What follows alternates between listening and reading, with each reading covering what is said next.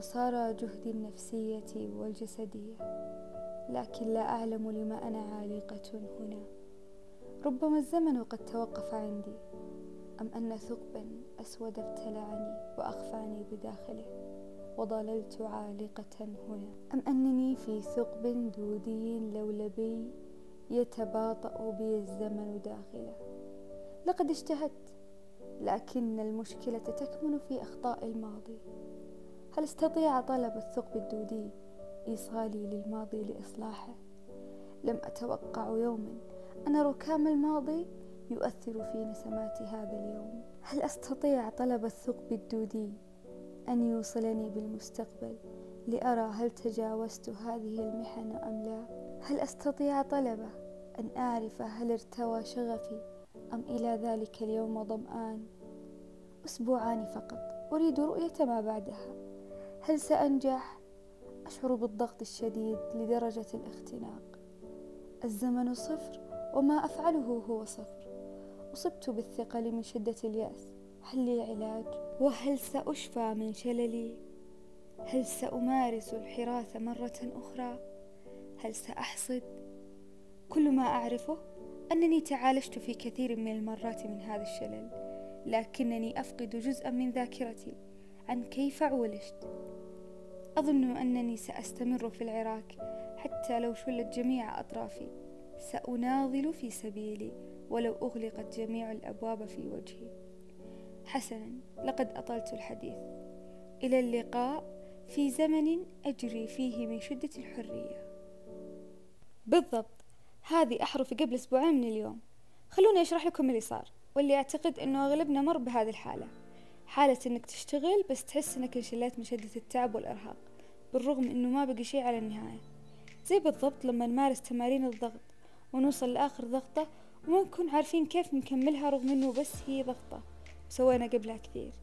زي لما نذاكر كتاب كامل ونوصل لآخر فصل وما نكون عارفين كيف نكمله. زي لما نوصل لآخر أسبوع بالترم وتنفذ طاقتنا قبل آخر اختبار. زي لما تستمر بحاجات كثير وتجي نقطة تطفي عندها. هذه اسمها النقطة الحرجة النقطة اللي يبدأ بعدها النمو الأسي للنجاح. النقطة اللي لو كملت بعدها آخر ضغطة بتمارين الضغط بتبان نتائج تعبك. لو خلصت آخر فصل من الكتاب راح تكسب ثمرة الكتاب. ولو شديت حيلك بآخر الترم راح يبان تعبك اللي بالبداية. النقطة الحرجة هي نقطة التحول عند أغلب الناجحين وبالرغم من أنها نقطة صعبة جدا علينا إلا أنها مهمة بقدر صعوبتها وعيبها أنها غامضة وما نكون عارفين هي وين أو هل إحنا نمر فيها وبعدها بنحقق النجاح أو لسه إحنا بنمر بعقبة زي باقي عقبات الحياة. طيب إحنا فهمنا قصدك رهف إيش الحل معاها؟ اللي يصير بأجسامنا إنه الأدرينالين يضخ لما نجتهد أكثر من اللازم.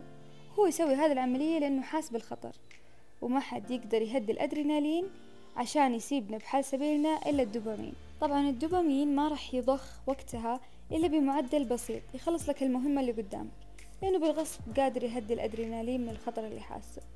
اللي عليك يا صاحبي هو أنك تستمر بجميع الحوافز اللي تمتلكها وممكن تحفز الدوبامين. وعشان أكون أكثر صدقا معك لا تستخدم المحفزات إلا في أوقات العثرات لأن تعودك عليها يفقدها فعاليتها في وقت الضرورة. كل اللي كنت محتاجته لما كتبت الكلام اللي ببداية الحلقة هو شخص من المستقبل يطمني بإني وصلت وارتحت وما حد قادر يطمنكم حاليا إلا أنكم تكملون شغل لآخر لحظة عشان تتأكدون أنكم وصلتوا. إحنا عند آخر ضغطة من التمرين وفي عنق الزجاجة في نقطتنا الحرجة في رسمنا البياني للنمو الأسي لنجاحنا.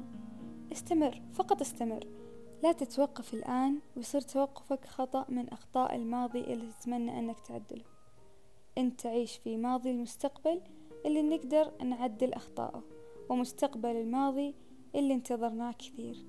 أنت في الحاضر اللي تمتلك فيه جميع صلاحيات التغيير.